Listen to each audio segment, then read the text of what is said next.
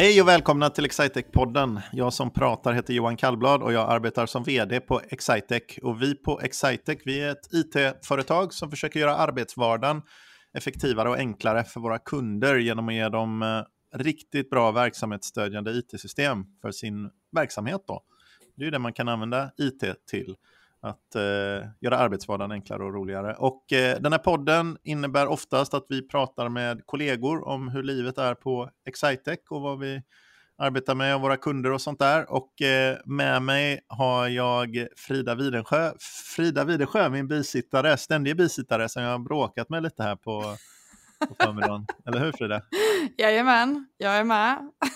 jag, har, jag har dubbelbråkat med Frida, för det ena var att jag, jag kastade ur mig i fredags tror jag, eller möjligen i lördags förmiddags, någon, eh, någon form av eh, icke så hyllande LinkedIn-inlägg om LinkedIn.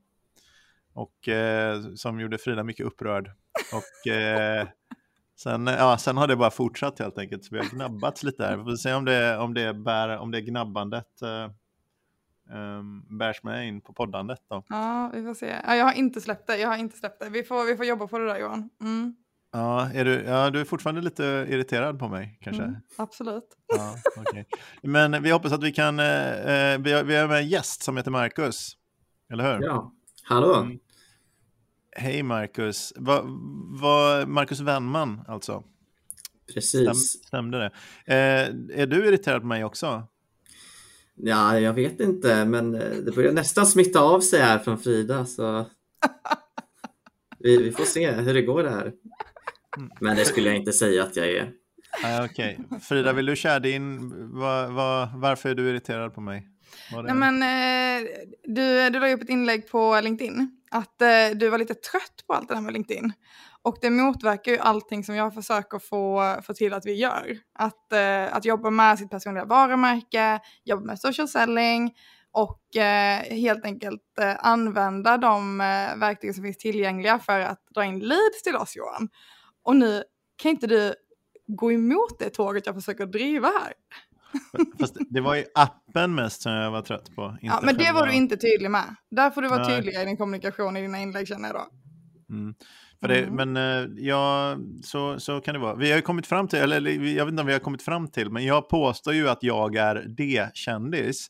Där mm. eh, om man säger ABC är riktiga kändisar och kändisar inte, men det är en sån som någon någon gång kan veta vem det är i något sammanhang.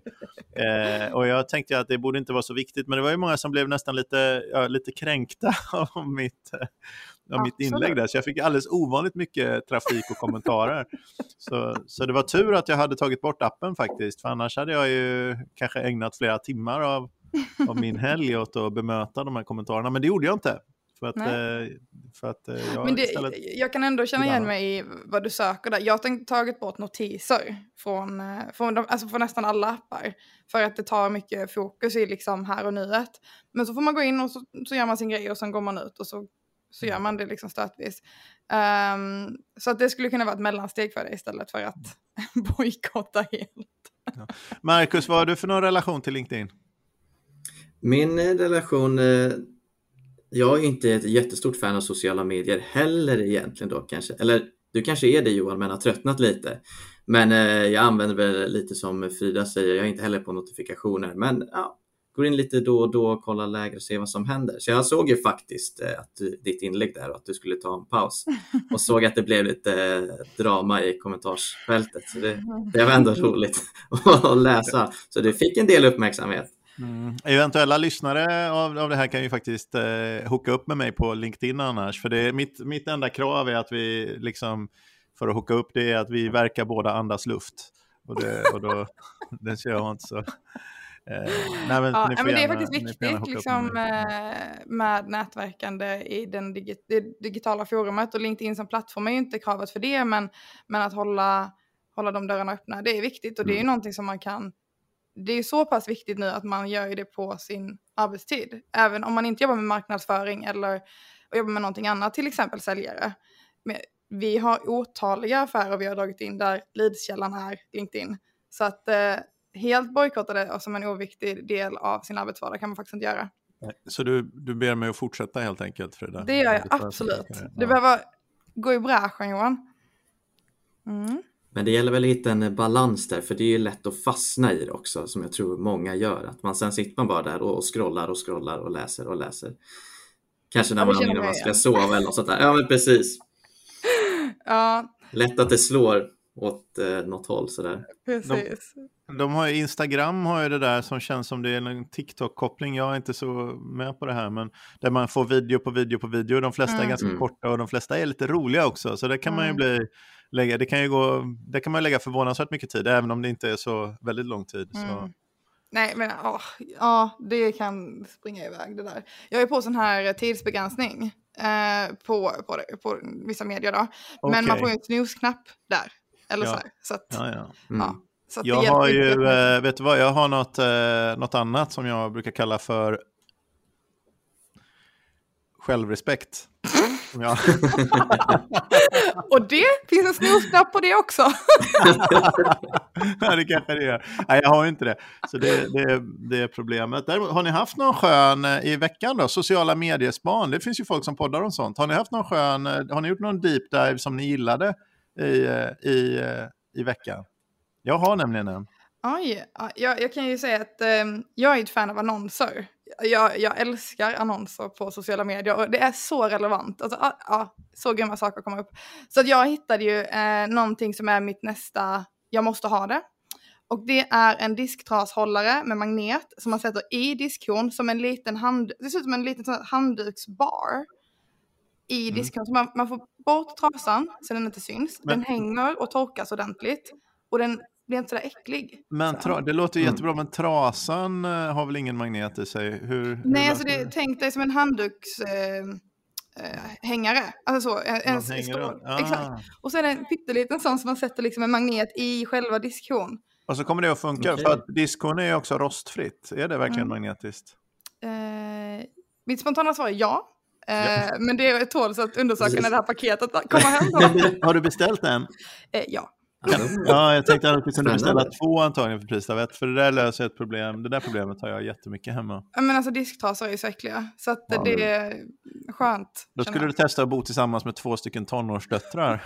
i, i, uh... Kramar de inte ur trasan ordentligt? Nej, alltså de, det är bara, de lägger den gärna, den får gärna ligga platt i diskon. alltså, och så eftersom de är två också, om jag inte brukar hugga båda två på en gång och så skyller de alltid på den andra. Ja. Bara, nej, jag hänger alltid upp den, säger de, och så pekar de på den andra som inte... ja, just det. Men vad var din sociala mediespan, Johan? Min deep dive, jag vill höra Marcus först. Ja. Har du gjort någon deep dive i, i veckan? Nej, jag har faktiskt inte gjort det. Som jag sa, jag använder inte jättemycket. Det var väl ditt inlägg som var det roligaste, måste jag säga, Johan. Eh, annars kan jag faktiskt inte komma på någon på rak arm sådär. Det känns som det blir mycket, mycket marknadsföring som bara är riktad på om man råkar googla någonting och sådär. Så det ja men man har kollat efter lite höstkläder och någon schysst eh, rock eller någonting sådär och helt plötsligt så är hela flödet spammat av sådana annonser. Det är så liksom. bra, då får man ju massa förslag på extra saker. Jag ja, jo, jo. Och det är också bra om man har eh, någon man bor med som man tänker att det här hade varit en bra present som jag skulle vilja få. Då kan man googla på den saken hemma och så kommer det komma upp i det gemensamma flödet. Ja, precis. Och det är mycket bra. Du gamear ju hela systemet där. Mm. Exakt. Så det, om, man, om man googlar på någon present man vill ge till någon så måste man ju komma ihåg att göra det i inkognito. Just det. Mm. Ah. Bra. Okay. Ja. Det var lurigt, men du är mer så här uppvuxen i det här. Jag, jag vet min kanske inte räknades som social media tänkte jag på nu, för jag gjorde en, en eh, deep dive, Norm, Norm MacDonald deep dive, den uh, kanadensiska komikern som uh, som eh, gick bort här för halvannan vecka sedan.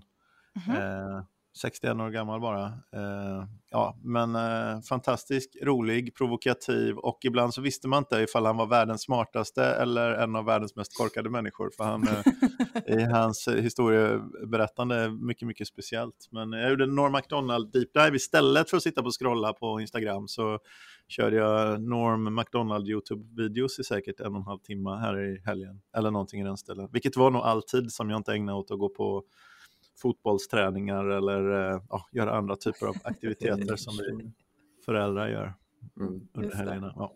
Norm. Nej, men jag hade, själv hade, jag hade inte så mycket tid inser jag nu för att fastna i sociala medier. Vi var ju nere i Linköping nu hela trainee-gänget och var, presenterade våra eh, caseuppgifter och sådär som vi hade löst.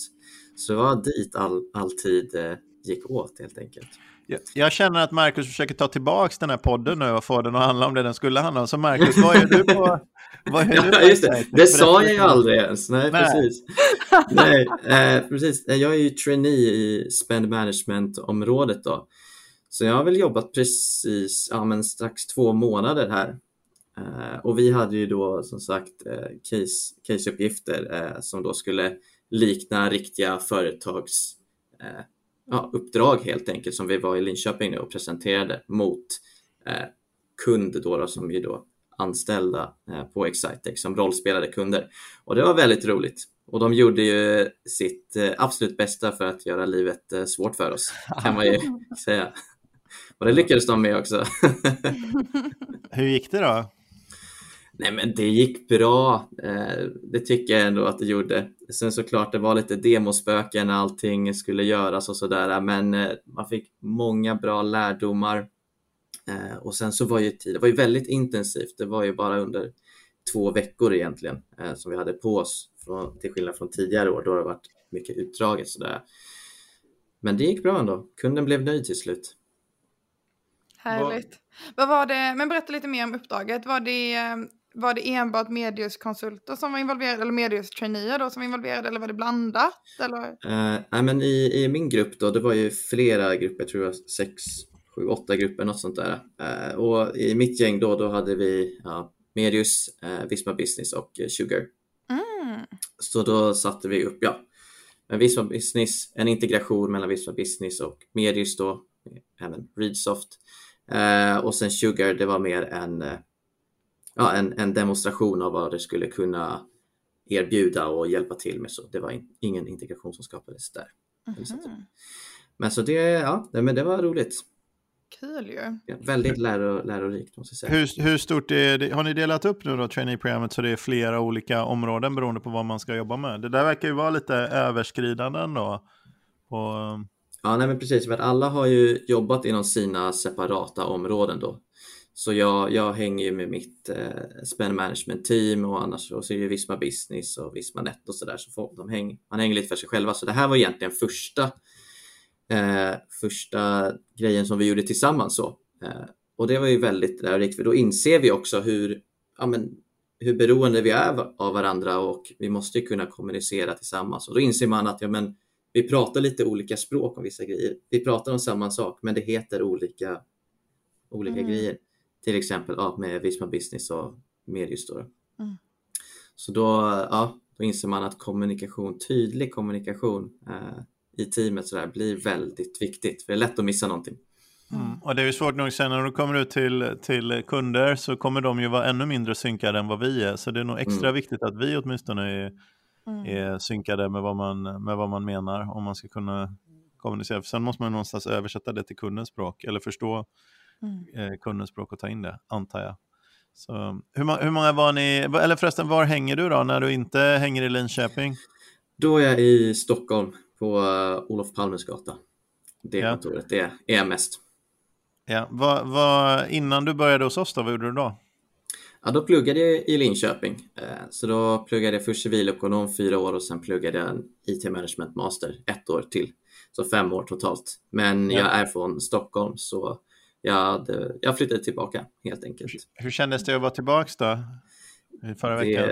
Det, om man får säga det så Ja, du menar i Linköping? Tillbaka. Ja, ja. Ja, nej, men det var ju jätte, jätteroligt. Det, då fick vi ju träffa alla igen. Vi har inte träffat traineerna sedan de här två första uppstartsveckorna ja. egentligen. Så det var ju superkul. Eh, gå ut och äta middag tillsammans och ja, lite AV sådär. Och hur känns det att vara, att vara i Stockholm då? Det var det du höll på att svara på. Ja, precis vad det jag höll på att svara på. Äh, det, som stockholmare i grunden så tycker jag det är ganska skönt. Jag gillar eh, storstadsfeelingen, att det finns så mycket att göra och det går fort, det tycker jag om. Eh, det höga tempot. Eh, och ja, med alla restauranger och det stora utbudet och sådär. Och mm. aktiviteter. Så det känns kul att vara tillbaka.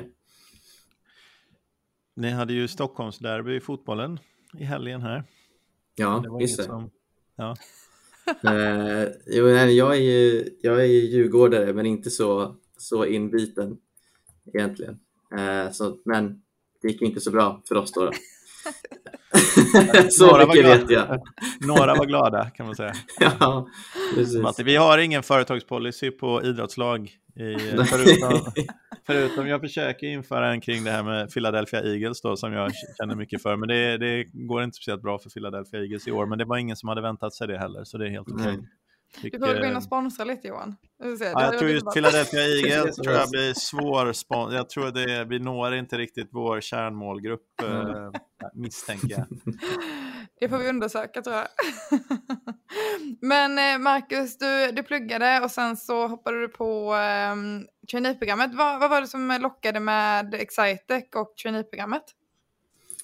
Uh, nej men eftersom jag gick i Linköping och ni gör ju mycket, eller det finns ju mycket marknadsföring riktad mot Linköpings universitet, så jag upptäckte ju Excitec tidigt egentligen och har väl sett det som en potentiell eh, arbetspartner, ja men liksom efter vi liksom tredje, tredje året där redan kanske på universitetet. Så jag visste om det helt mm. enkelt.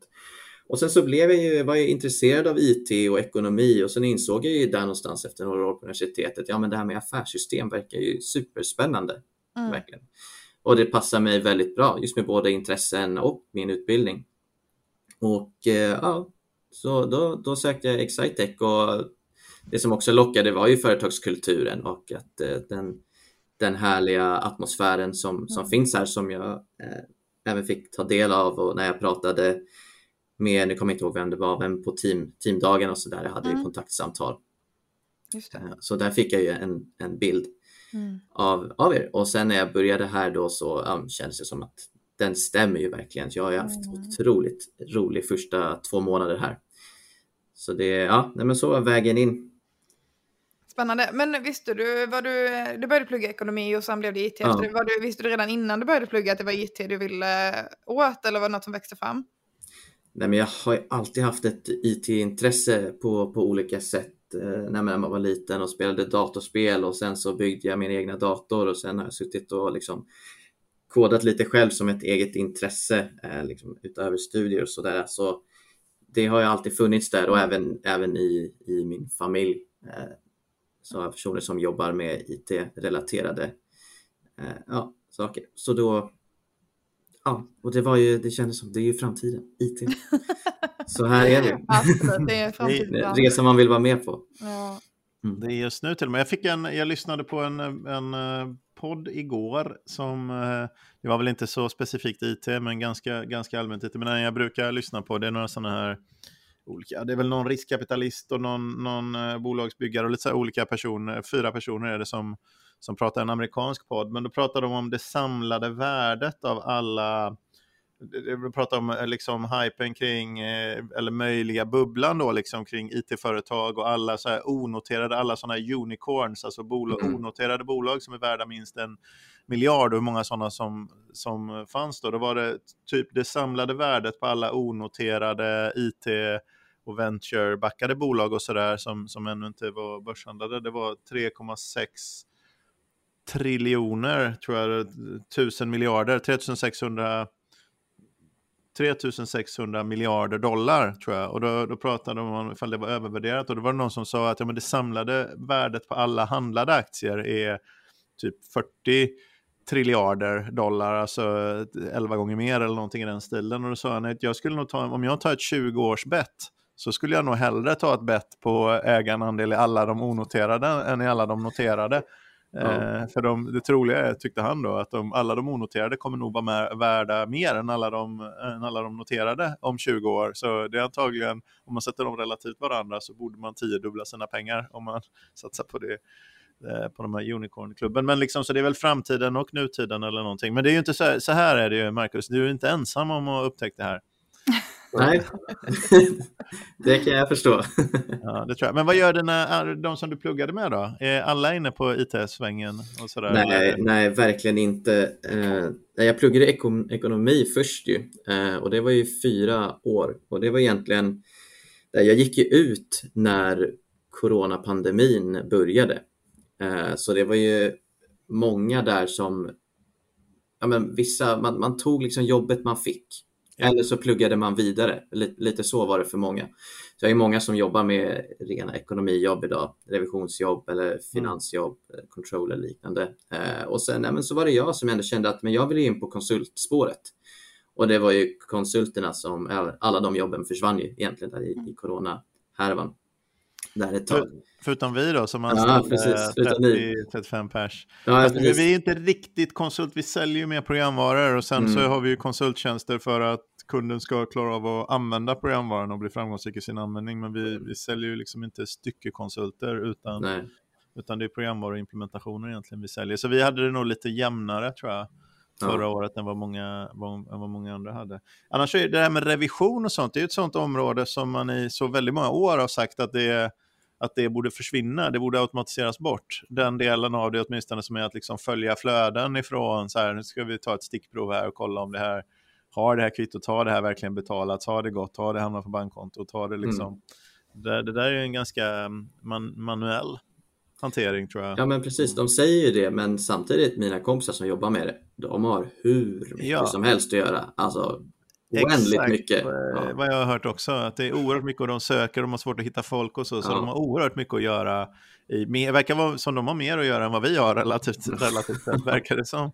Jobbar oerhört mycket och oerhört mycket att göra, men, men det känns ändå som ett område som väldigt många tror på sikt borde försvinna. Men det är lite mm. grann, så jag ska säga, redan det här får jag alltid ta en sån stor nypa salt varje gång jag hör, för redan för sådär 20 år sedan så hörde jag folk som sa att systemutveckling det är nästan ingen idé. Det kommer liksom vara, antingen kommer det vara i lågkostnadsländer eller också så kommer det vara eh, så kommer det automatiseras bort, det behövs inte längre. Det finns en massa bra verktyg som gör att man inte måste utveckla system. Så sa man för, på alltså sent 90-tal så sa man att systemutveckling kommer snart att försvinna som, som kompetensområde. kan jag säga det, det bästa betten man kunde gjort för 20 plus år sedan, det säkraste betten är väl att vara, lära sig systemutveckling egentligen, eller programmering. Det, är väl, eh, ja. det, det, finns väl nästan inget säkrare eh, inget säkrare sätt att få ett riktigt bra jobb än, eh, än att satsa på just det området. Tror jag, de senaste 25 åren. Men nu så hör jag fortfarande så här, men nu kommer det snart försvinna. Ja. Så. ja, vi får väl se. Ja. Men hörni, vad heter det? I den här podden har vi ett segment som heter Någon berättar om någon. Och i den här podden så är det du Marcus som är någon. Har du något du skulle vilja berätta om? Jo, men det har jag ju. Eh, precis, jag, jag är ju en eh, liten eh, musikalisk kille kan jag säga. Och jag sjunger ju, och sjunger kör. Eh, så det var eh, det jag tänkte berätta om. Och det kanske hänger ihop lite med när du frågade om, om derbyt här, varför jag inte är så jätteinsatt. Och det är för att jag är lite mer lagd åt det estetiska hållet än vad man ska säga. Så körsång har ju varit en, en stor del av, eh, av mitt liv egentligen och är väl fortfarande. Mycket. Jag kände så här, gud nu blir det en premiär, nu ska vi sjunga stämsång på oh. Excitec-podden. Det, det, det passar mig jättebra. Ja, härligt. Ja, det vill jag gärna göra. Ja. Men eh, kanske måste förberedas innan. Vad sjöng du i för någon eh, kör då? Eh, nej, men nu senast innan jag flyttade till Stockholm så sjöng jag i Linköpings studentsångare och det är en manskör kopplad till, till universitetet eh, som, eh, ja, nej, men allt ifrån att man är med och sjunger på sittningar och lite finare middagar till att vi har egna större konserter och gör Lucia-tåg och sommarkonserter så där. Brukar sjunga på Valborg också. Eh, men nu när jag flyttat tillbaka till Stockholm så har jag faktiskt inte hunnit gå med någon kören. Men det ska väl eh, ska bli av när jag känner att jag har koll på, på vardagen igen. Eh, körsång fick ju lite dåligt rykte där för första gången någonsin. Körsång har ju alltid bara haft bra rykte, eh, förutom precis när coronautbrottet kom. Då, ja. då fick ja. ju det lite dåligt eh, rykte ett tag. Det var väl någon syd, var det inte, fick jag för mig det här bara, var det i Sydkorea någon någon sjungande församling eller någonting i den stilen där alla blev smittade som var någon sån här superspridare-event. Ehm, men vad är det, hur, hur började du med körsången och vad är det bästa? Eh, jag började, ja, det var när jag var liten, jag har alltid sjungit. Jag kommer från en eh, familj eh, som är ganska musikalisk, så min mamma satt väl mig i en kör när jag var liten helt enkelt. Och där tog det fart, och jag har alltid sjungit. Men sen så började jag i alltså, musikkörskola när jag gick i, började sjuan på högstadiet då. Och då var det så att man sjunger kör tre, fyra gånger i veckan. Och sen samma sak på gymnasiet faktiskt, så då gick jag natur, natur med körinriktning eh, på, på Kungsholmens gymnasium. Och så sjöng vi kör då, ja, men tre, fyra gånger i veckan. Och det är ju nej, det är så jäkla kul. Man får en sån sammanhållning i den här gruppen, för det handlar ju om att ja, men alla måste lita på varandra och man gör någonting tillsammans. Mm. Alla är ju helt beroende av varandra. Och sen har man de här konserterna som man eh, jobbar mot och man, man tränar massa tillsammans och har lite extra rep och sådär. Och så får man visa upp det man har gjort. Eh, och vi har ju varit iväg, alltså det, är på, det är på hög nivå eftersom man tränar så mycket, så vi har ju varit iväg och tävlat i körsång och sådär flera gånger. Eh, wow, jag visste inte ens att det fanns eh, natur natur med körinriktning. Det låter lite härligare än min, eh, jag gick natur natur matte. Det var inte riktigt lika ja. härligt. Nej, det, det är inte... Sjung, sjunger du någonting Frida? Eh, eh, mer gärna än bra. Men jag har faktiskt funderat på att gå med i kör för jag tycker det är härligt att sjunga tillsammans. Mm. Eh, och, och eh, helt borta är jag nog inte, men jag är nog rätt borta. Men med lite, lite hjälp kanske det kan bli något. Absolut, det finns ju körer för alla, på alla nivåer. Så mm. det är bara ja, hitta en som passar. Det är väldigt passar. kul att sjunga. Men du, du har tävlat i körsång alltså? Vad, ja. vad är det för typ av tävlingar man gör då? Nej men då, den, eh, en tävling som vi gjorde då i gymnasiet till exempel, då var vi i Italien, eh, Riva del Garda. Och eh, då är det som, ja men det är en, eh, en körsångsfestival och så är det även tävling då. då. Så då har man, tävlar man i olika kategorier Eh, och sen så, ja, men så sjunger man, ja, men då brukar det vara först en deltävling och sen så går man vidare till, från den förhoppningsvis då till, till final. Och då är det en jury som sitter och bedömer utefter ja, men, lite olika kategorier. Bland annat så sitter de och tittar på noterna och att man inte sjunger falskt och att man mm. gör det här, man sjunger snyggt och dynamiskt, att det blir starkare och svagare, det ska vara enhetligt och så vidare. Och så får man då poäng baserat på allt det här eh, från de här domarna då, så får man en sammanlagd poäng. För, ja. eh, vilken stämma föredrar du att sjunga? Jag är lite där mittenstämma, så bas 1 brukar jag sjunga. Så inte mörkast och inte ljusast. Hur, hur, är det när du sjunger med sådana som inte är lika bra på att sjunga och lika skolade? Liksom, står du ut med det? Om du Eh, eller, eller är det så det... att du helst bara går därifrån? nej, nej, går ifrån, nej det, det skulle jag aldrig göra. Det är alltid roligt med musik oavsett. Men det beror ju på sammanhanget lite grann skulle jag säga. För om jag då går med i en, i en kör som ska vara bra och sen så visar det sig att, eller så är det vissa personer som inte alls är på den nivån som de kanske borde vara på eller lägger ner det jobbet de ska. Då blir det ju inte lika roligt. Men om mm. det är en amatörkör eller man ska göra någonting, ja men kanske på ett Lucia-tåg med företaget, vem vet? Mm. Då, blir det ju, då har jag ju liksom, går in med den förväntan och mm. eh, då, då tror, blir det ju roligt. Mm. Eh, jag eh, som inte är så bra på det där, men, men eh, kanske har lagt mer energi än Frida på det, tror jag. För jag har gått lite körsångs... Eh, eller jag, försökte, jag gick så här, körsång för vuxna, jag började väldigt sent, men försökte eh, lära mig lite mer. Jag gick det eh, något halvannat år eller någonting i den ställen och så tycker jag om att sjunga. Men, men en sak som, man inte, som jag tror att man inte tänker på om man är om man inte, som du nog tänker mycket mer på, som är, som är mycket bättre, det är att allting är ju egentligen relativt i, i både tempo och eh, hur man sjunger och sådär. Det är ju relativt, och man, så man måste ju, det är lite som om man spelar i band också. Man mm. måste ju lyssna väldigt mycket mer än vad man tror. För det går inte att säga så här, men det här är tempo 120 och jag ska sjunga ett C. Liksom. För om de andra ligger lite off i pitch så ju, du måste ju sätta din ton relativt de andra och, och göra så det är, det är oerhört mycket mer och det är ju svårt alltså det, det är en svårighet. Sådana som nog kan vara bra solister har nog inte nödvändigtvis så lätt att kliva in i en körsångssammanhang eftersom det handlar så väldigt mycket om att lyssna. Och, eh, Ja, verkligen, det är en helt annan, som solist, det är en helt annan sångteknik egentligen och när man som körsångare då lär man ju sig verkligen att sjunga i kör för alla ska ju låta exakt likadant. Så det ska ju bara, mm. varje stämma ska ju vara som en röst. Så det är som du säger Johan, om någon börjar sjunga solistiskt då, då kommer den ju sticka ut helt och hållet och så kommer man höra den individen och det är inte meningen. Nej. Men samtidigt tvärtom, när en körare ska försöka sjunga solo, då blir det ganska, kan det bli ganska platt och, åt andra hållet där, för då, ja, det är ingen solo, ingen soloröst liksom. Mm. Min kompis som jag, som jag eh, spelar med någon gång emellanåt, nästan alltid bara när vi har druckit vin och, eh, och eller öl, eh, eh, oftast och. Eh, han, eh, han kommer med från musikfamilj eh, eh och musikuppväxt och han säger till mig, men jag, tror, jag tänker nu här att jag tror att det är en sågning egentligen, men det låter, han får det låta som en komplimang, för han säger att, att jag har en bra, han tycker att jag har en bra klangbotten i min röst, jag tror det han syftar på egentligen är att en jävla röst hörs, kan du liksom ligga lite Så jag har alltid tolkat det som en, eh, som en komplimang, men, men nu när jag tänker på det så, så är jag lite mer tveksam. Mm. ja, det beror på sammanhanget.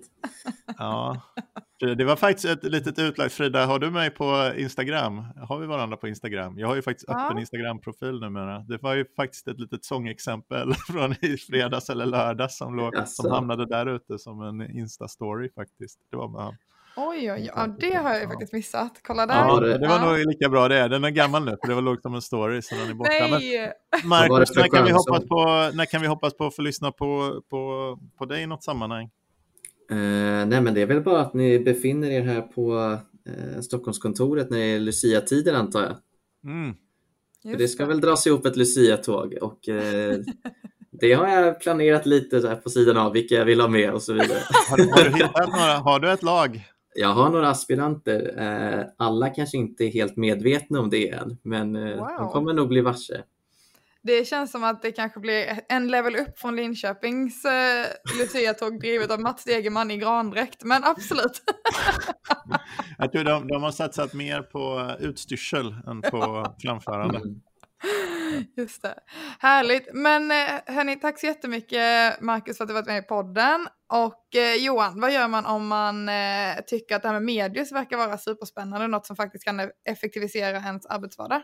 Vet du vad man kan göra då? Man kan gå in på eh, www.excitec.se och titta under vad vi gör och så står det de här olika mm, områdena då som, som vi håller på med och så kan man ganska enkelt eh, skicka in sin kontaktinfo eller skicka en intresseanmälan där så kommer vi ta kontakt med dig och mm. prata om det här.